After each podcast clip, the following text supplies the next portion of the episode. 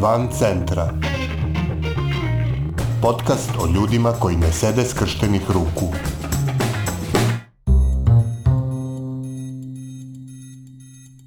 Vi slušate jubilarnu 70. epizodu podcasta Van centra, koji prati napore ljudi iz cele Srbije da poboljšaju kvalitet života u svojim sredinama. U prošloj epizodi videli smo na primjeru Jagodine kako jedna grupa građana, nevelika ali vrlo ogorčena zbog nasilja koje neko čini prema njihovoj, a i našoj životnoj sredini, pokreće akciju da zaustavi devastaciju svog okruženja. U Jagodini je sve krenulo od jedne grupe prijatelja, uglavnom mladih ljudi koji nisu hteli da sede skrštenih ruku. Nažalost, Jagodina nikako nije jedino mesto u kome su građani prinuđeni na razne oblike samoorganizovanja radi zaštite svojih ekoloških prava. Slična situacija je i u Beogradskoj prigradskoj opštini Barajevo, s tim što su ovde pokretači akcije dva zabrinuta bračna para, koji su osnovali inicijativu Eko Barajevo i upustili se u rešavanje najalarmantnijih lokalnih problema o tome zbog čega je pokrenuta ova organizacija, na koji način su rešavali ove probleme i šta su shvatili suočivši se s njima, u ovoj epizodi razgovaramo s Milošem Jeremićem, članom inicijative Eko Barajevo. Desilo se sve, znači tako što smo saznali da nam je tu u neposrednu blizinu došao neki kao neka fabrika e, koja će da prečišćava ili da se bavi preradom koje kakvog materijala opasnog i neopasnog. E, sve se to desilo znači pod nekom divnom zavesom da nismo ništa saznali od opštine niti smo saznali od bilo koga drugog već samo ono putem rekla kazala kad smo proverili situaciju shvatili smo da je nekadašnja fabrika IKL koja je bila gigant u vreme Jugoslavije bavila se nekim kotrlićima ležećim ležajima na koje kakav način i prodajama došla u ruke nekog čoveka koji je odlučio da je to pogodno mesto u sred nasilnog, znači nasilja da se bavi preradom opasnog i neopasnog materijala nekim sistemom koji nije priznat nigde u svetu ta firma Unirisk je radila, probala u Kovačici da otvori svoj pogon, međutim ljudi su se udružili, otvorili ih odande, onda su radili u Rakovici nekih, sad nemojte mi držati reč, ali 7-8 godina, e, onda su odatle proterani i na kraju su završili ovde kod nas u Barevu i krenuli da rade punim kapacitetom, dobili su sve dozvole i onda znači saznajemo da oni će da se bave preradom azbesta, preradom opasnih materija kiseline i svega i svačaka šta se dešava. Znači mi smo, ta inicijativa Kobarevo je znači ono vapaj e, građane koji ne znaju šta da rade. Kao pojedinac vidjeli smo da znači niko te ne sluša, mi smo se udružili kao dva bračna para, znači Popović i Jeremić i mi smo neka okosnica svega toga, a sve je krenulo od Facebooka, znači ja sam napisao jedan buntovnički tekst u vezi, znači šta nam je došlo pod prozor i tako dalje i onda su se ljudi prihvatili taj tekst, e, javljali su mi se i dobili smo poziv iz opštine da dođemo ovaj, na razgovor sa nekim vlastima koji su tu ovaj, i dovele e, tu fabriku. Taj razgovor je bio u najmanju ruku jedna formalnost. Znači, prva rečenica, ajde više stavimo tačku na tu fabriku. Znači, ne da tu nije tačka ni zarez, nego to je znači znak uzvika. Kako su oni dobili te dozvole, ko tu radi, zašto niko nije obavešten od građana što nam dolazi pod prozor. I onda kad smo počeli znači, da skidamo, što bi rekao, da gulimo taj e, luk e, nemarnosti, počele su suze da nam idu. Znači, sastanak je bio prijateljski, jer taj predsednik opštine, kako se zove, jedan čovek koji izgleda zna kako da obrađuje poneke ljude, međutim nije, se nadao će niće nas koji smo tvrdorah i nismo hteli da pustimo to pod obećanjima da će to biti zatvoreno, da će sve biti u redu, jer smo znali da neće biti. Pored ove fabrike Unirisk, koja je još uvek aktuelni trovač, imali smo i drugi problem, to je fabrika Most, koja se nalazila blizu nekog jezera i koja je, znači, trovala celu ulicu u kojoj živi, na primjer, negde 300, 400, 500 ljudi. Pominjete u e, prošlom vremenu šta to znači? Da ona više ne radi? Pa, e, Bogu hvala, znači tu smo izvojili neku pobedu jer je ta fabrika zatvorena. Ona nije smela nikad ni da počne da sa radom, jer prosto smo pronašli da je ona radi na mestu koje je predviđeno za poljoprivredno zemljište. Znači namensko zemljište koje nikad nije moglo da postane fabrika. I to znači je radilo u zaminu opštine tri godine da bi mi to pronašli u papirima, potencirali, e, kontaktirali grad i to se zatvorilo. Znači to je mogla da uradi opština mnogo, mnogo ranije i mnogo, mnogo lakše, ali kao i većina opština, znači jedno inertno uh, polumrtvo meso koje ne radi ništa dok je neko ne pritisne. A kako izgledalo to pritiskanje? Prvo je znači bilo sastanaka na kojem su dobili razne obećanja, onda su dolazile strukture iz, iz grada koje su malo to više digle na neku višu instancu, onda je došao gospodin Vesić, sačekali smo ga, on je obećao da će imati još jedan razgovor sa svima odgovornim iz grada, što se i desilo, mislim to pohvala, i onda nakon toga I nakon, pre toga smo imali jedan miting koji se održao ispred opštine, jedne subote, gde je bilo za Barevo dosta ljudi, rekao bih negde oko 500. Znači videli su da je pritisak i da smo ozbiljni i onda su povukli konačno crtu i rešili da zatvore taj most jer nije smeo da radi ni po jednom osnovu. To je jedna mala pobeda ili bih bolje rekao jedna velika pobeda za Barevo jer e, ovde je kao i svuda u gradu i opšte u Srbiji zavladalo šta ćeš ti, gde ćeš ti, e, ne možemo mi tu ništa. Ipak je, dokazali smo da ljudi mogu nešto da urade. Ako su iskreni, ako e, brane znači svoje osnovno pravo, kako se zove svoje kuće, svoju decu, svoju vodu, znači uvek ćemo pobediti. Kad se sluša ovako ispričano, deluje kao da je to lako prošlo, ali to nije baš, koliko ja znam, nije baš bilo tako jednostavno dokazati šta oni rade. Znači sve poluge koje mo može jedan čovjek da koristi su polutrule i neefikasne. Znači od toga da se zove neka inspekcija, oni su, na primjer ta fabrika radila nedeljom ili radila noću. I onda vi zovete inspekciju, inspekcija nema nikog da dođe ili inspekcija javi da će doći i onda je to jedna farsa od celog događaja. Onda, na primjer, oni su imali neke dve peći, onda dođe čovek i nađe da imaju šest peći i umesto da ih zatvori, on sad kao ide u proces da se dozvole još ove četiri peći koje su tu, znači se stvorile volšebno. Cijela jedna ta procedura koja ide mučna e, e, i ne znam koliko bi trajala da nismo našli tu začkoljicu koja je oborila celu fabriku, a to je da ona u stvari postoji na jednom prostoru koji nije predviđen za, za to. I još bih napomenuo samo što je veoma čudno kod obe fabrike ili kako bih ih nazvao već prerađivački kompleksi, ne znam ja, ove se znači bavi otopljenjem lima, taj most, je to da su obe te, ta pogona registrovane u stranim zemljama, što je vrlo čudno. Znači ovaj most je u Engleskoj, a ovaj kako se zove Unilisk je u Švajcarskoj. I onda kad se google vidi se da je ta fabrika most, to su znači vlasnici četiri člana porodice koji se sele po Londonu, na primjer. I sad najgore što sad ti moraš da hodaš po toj nekoj političkoj korektnosti, ne smiješ da kažeš stvari kako jesu, a svi znamo o čemu se radi. E, ovo je jedan laovski posao, e, treba prvo znači dok smo oformili, oformili tu grupu građana, znači tek je to glavobolje, znači e, da se uradi ovaj kako se zove na papiru, da se napiše proglas i tako dalje, pa do toga da ideš po znači svim raznim opštinama, mestima, gradskim upravama, da ti zatvaraju vrata, da ideš na razgovore. Znači jedna lavlja borba, ali koja je donala rezultata, Bogu hvala budućnost uopšte neke organizacije, ljudi su ovako male grupe koje brane svoje lične crtice zajednički interes, jer koja god vlast da dođe, nemaju ni vremena niti njih briga za naše probleme. Tako da mislim da, da treba ljudi malo više da se obrazuju koja su njihova prava i što nas je više i što smo složniji, znači čuje se dalje naš glas imamo veću moć. To je bila jedna uspešno izujevana bitka e, sa tom livnicom Most. E, sad vodite, kao što ste rekli, bitku sa postrojenjem Unirisk.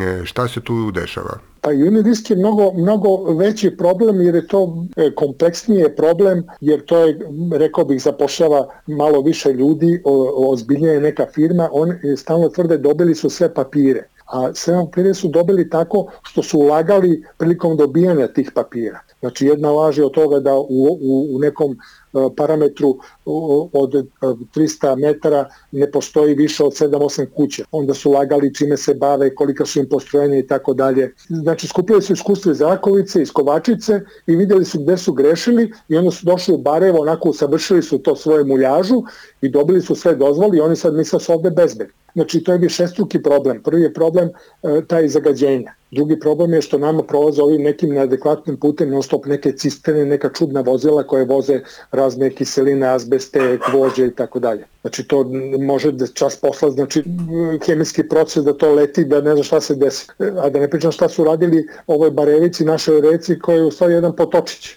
Znači tu borba traje, oni su imali amen i prethodne vlasti i ove vlasti, oni sigurno imaju tu novca, ja ne želim, ja ne znam da li potkuplju, ali ko bi hteli to da radi imaju novca i za to. I taj gospodin koji drži tu, kako se zove fabriku, neki Duraković, da se malo uđe na internet, da se vidi njegova biografija, čovjek koji je sve jasno. Ali zato je na, na otvaranje fabrike došao i švajcarski ambasador. E, da, to me je podsjetilo kao na primjer kad su u Kongo dolazili Belgijanci e, da, da, da pohvale ove, kako se zove, hm. vlasnike plantaža. E, mi sami svojim zakonima, delovanjem i načinom kako pristupamo zaštiti svojih ličnih interesa postajemo kolonija. Znači, samim tim da jedan švajcarski ambasador dolazi da aminuje nešto što nikad ne bi moglo u Švajcarskoj da radi. A šta ste, šta ste sve e, do sada uradili da se reši taj problem Uniriska?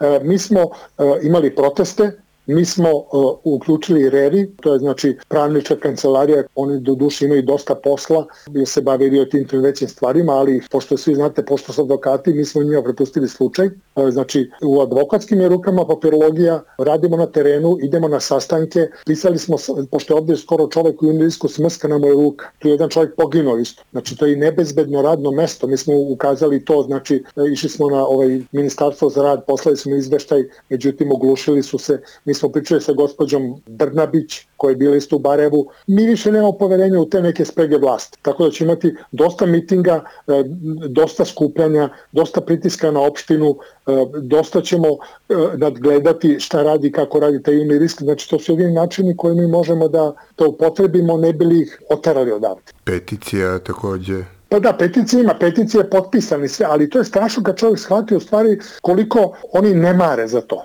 Oni su uvek kao shvataju nas ali se ništa ne dešava. To ti je e, Bertolt Brecht e, suseo e, Kafku. Znači, mora stalni pritisak po meni, znači stalni pritisak sad pred izbore, piće okupljanja, biće mitinga, da se čuje, znači na kraju kuka i motika. Znači, biće blokada puteva, kao što ste čuli, bilo je u Velikom Borku slučaj.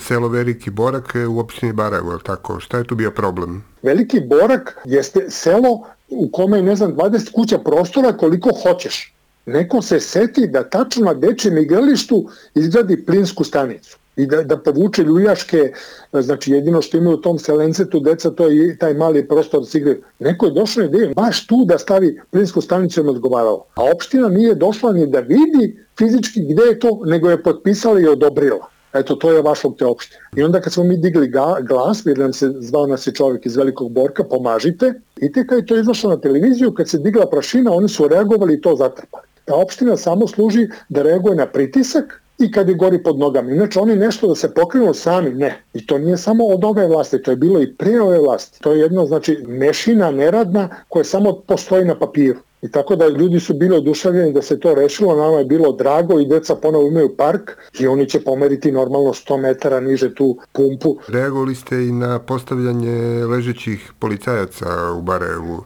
Šta mi tu smetalo? Ti ležeći policajci e, jesu bili potrebe, ali, ali ne na tom mestu. To niko nije uradio zbog bezbednosti ljudi, već je to opet urađeno zbog kapitala ili ti velikih fabrika. Tu postoje e, dve fabrike, jedna se zove Kolektor, a druga je svi slajan ili tako nešto i oni sad imaju problem tu da se uparkiravaju s kamionima i tako dalje i najjednostavnije se stavi ti ležeći policajci da ljudi uspore. To nije urađeno da neko, jer to je mesto e, gde se ne dešava nikakav pešački prelaz ili da ljudi tu prelaze ulicu ili tako dalje. Nego čisto je to fabrika uradila i to je niklo preko noći. A ovdje, znači, e, e, na putu je toliko potrebno drugih policajaca, toliko je potreba znakova, toga ničeg nema. Znači, oni samo reaguju na novac, kad ih neko, ne znam ja, ono, jaka kompanija natera, ili kad im dođe do ove zgrada. Znači, obični građani opet ništa. Tako da smo se mi svi zaprepastili kad smo videli kako je to brzo urađeno, kako je brzo, znači, e, nikle ta dva policajca, a ovde smo mi tražili Znači, opština samo reaguje znači, da pomogne tim, tim nekim fabrikama, nekim lokalnim moćnicima, a običan čovjek znači, uvijek mora na ulicu ili da se buni. Znači, tome je došao kraj i morat ćemo to jednom za svak da distramo čistac. Osim što ste aktivni u e, svojoj sredini i svojoj opštini, vi ste svakako i deo šireg ekološkog pokreta u Srbiji. Koliko ste u komunikaciji sa drugim sličnim organizacijama? Sarađujemo mi normalno komunikacijom, savetima e, i tako dalje, ali nismo se uvezali da bi pravili neku, ne znam, neku organizaciju jaču, da budemo deo neke organizacije. Možda će biti potrebi za time, ja ne znam. Ali sad na ovom nivou i ovom stadijumu nismo se još odvažili da to uradimo, što ne kažemo da nećemo. Mora narod, kuka, motika, svest da se ustane i da se ono obuku patike ili šta veći da se ide u pohode. Lajkovima na Facebooku, e, trabunjanjima, diže se masa, ali ono pravo mora se odradi na terenu, to smo mi shvatili. E, to sam htio da pitam. Znači, vi ste krenuli pre, e, ako sam dobro shvatio, pre nešto jače od godinu dana kad ste kretali, kad ste e, pokretali celu e, priču, kako ste zamišljali da će to izgledati i kako je to na kraju zaista izgledalo? Šta je ispalo drugačije nego što ste zamišljali i šta ste umeđu vremenu naučili? Očekivao sam ja i podmetanje nogu i vređanje i čačkanje ko smo i šta smo i tako dalje. Mislim, to smo očekivali. Samo me, najviše me iznenadila jedna stvar, a to je koliko je nerazvijena svest kod ljudi i koliko su ukalupljene svesti naroda. Nisam shvatao da se u stvari naš narod još uvijek boji neke vlasti i da njemu je važnije da podaziđe vlasti i to je opštine nego da se bori za svoje dobro. Ljudi se raspituju, znači polako mora se raditi na tome da ljudima probudiš svesti da shvate da ti nisi ni u politici, da tebe ne zanima se dograbiš nečeg. Naučili smo da moraš e, koliko ljudi toliko čudi, to je u stvari najvažnije. Ne biješ, nije stvar samo e, skupiti istomišljenike, nego da pređu na tvoju stranu i ljudi koji nisu tvoji istomišljenici bili, ali ih vezuje to da e, žele dobro Barevu, da žele dobro svoje deci i tako dalje. Znači ne smeš da razmišljaš jednog ugla, nego moraš da se staviš u svačije cipele i kožu, što se kaže. I takođe da se mobilišu e, istomišljenici koji nemaju hrabrosti. I bravo, bravo, odlično. Znači, i, i ovaj, da se demistifikuje uopšte ta vlast i opština i da mora da shvati narod da je vlast tu da nama služi, ne mi njima. Nije dobar dan, druže predsjedniče, nego dođi vamo, šta je ovo? I ne, oni ne shvataju šta znači službeni, to je nastalo od reči služiti. Znači oni su svi službenici u tvojoj službi, međutim kod nas je kao i sve ostalo to izvitoperilo. Znači oni su u strahu od tog čoveka koji je predsednik opštine, koji je nesposoban, ne zna da radi svoj posao. Oni su u strahu od toga ko je na vlasti. Oni su u strahu to da će svoje sitne čari i koristi da imaju, da li će neko da im ne znam ja šta radi. Ne znam ja da bi se bavio ovim da nisam lično zgažen. Evo kao što se desilo u tom borku. Oni nisu hteli da dođu nas podrže jer je fabrika blizu, desilo se njima. Mi smo svi u ovome, ma gde bili u Beogradu, ma gde bili u Srbiji. Znači moramo svi da budemo zajedno, da ne gledamo ko dakle, meni nije ništa, ja sam daleko i da razmišljamo tim nekim e, sebičnim rezonovanjem. Svi smo u ovome, nema većih manjih patriota, nema ko se gde se rodio, nema ko koliko para pravi, čime se bavi, znači ovo je jedan problem koji moramo svi zajedno da obuhvatimo, da, da se izborimo do kraja, koliko da traje. Jer najmanje ljudi vole da slušaju istinu. Od istine svi beže. A mi dok se ne suočimo sa istinom, nama će uvijek se vraćati ovako kako jeste. I ja sam rekao, ja ne želim da znam ime i prezime. Dajte nam sistem, ljudi. Sistem. Mi moramo da napravimo sistem da postoji, znači, fabrika ne može da bude kući bliže od 20 km. Samo pokažem taj zakon, ja sam završio juni risk, a to nema. Znači, neko nam pravi namerno probleme da bi svoju agendu progurao. E, opština sve više retardira. Sledeći izbori kad budu, ja očekujem da vidim klone koji će poprska cvetu. Ja ne znam šta može ispod ovoga da ide više. Znači da ne budemo domoroci koji će da daju zlato za perlice i ogledalca, već da ustanemo, e, mimo politike, mimo imena, prezimena, ovaj ili onaj, nego svoje lično da branimo neku budućnost ako želimo da imamo. Jer Srbija nije princip na majici, Srbija nije četiri na leđima, Srbija je ovo što mi radimo. Ovo je najsiroviji dokaz nekog patriotizma. Braniš komšiluk, sebe, svoju decu i svoje ognješte. Bila je ovo epizoda Van Centra za 9. februar 2022. godine. Nove priče o ljudima koji ne sede skrštenih ruku moći ćete da čujete u sredu 16. februara. A umeđu vremenu pridržavajte se mera zaštite od koronavirusa, čuvajte svoj i tuđe živote i ne ćutite pred glupošću i nepravdom.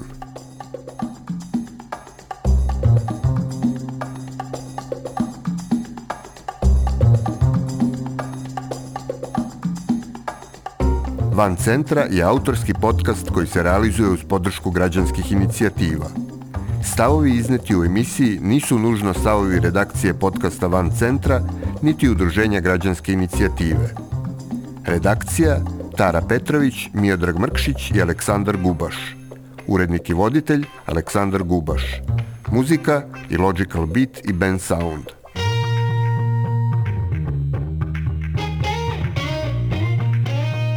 Van centra. Podcast o ljudima koji ne sede skrštenih ruku.